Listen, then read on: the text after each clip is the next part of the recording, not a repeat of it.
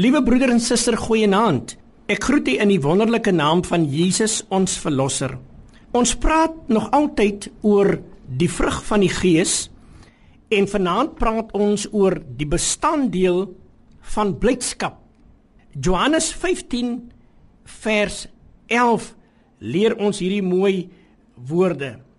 Dit het ek vir julle gesê dat my blydskap in julle kan bly en julle blydskap volkome kan word. Dit is my gebod dat julle mekaar moet lief hê net soos ek ook julle liefgehad het. Groter liefde het niemand as dit nie dat iemand sy lewe aflê vir sy vriende.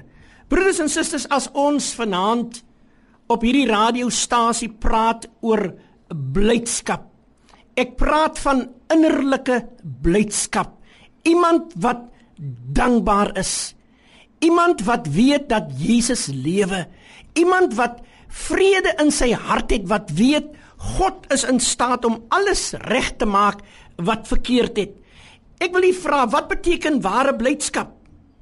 Blydskap is nie die oorborreling nie, die ekstase of die lewyn nie.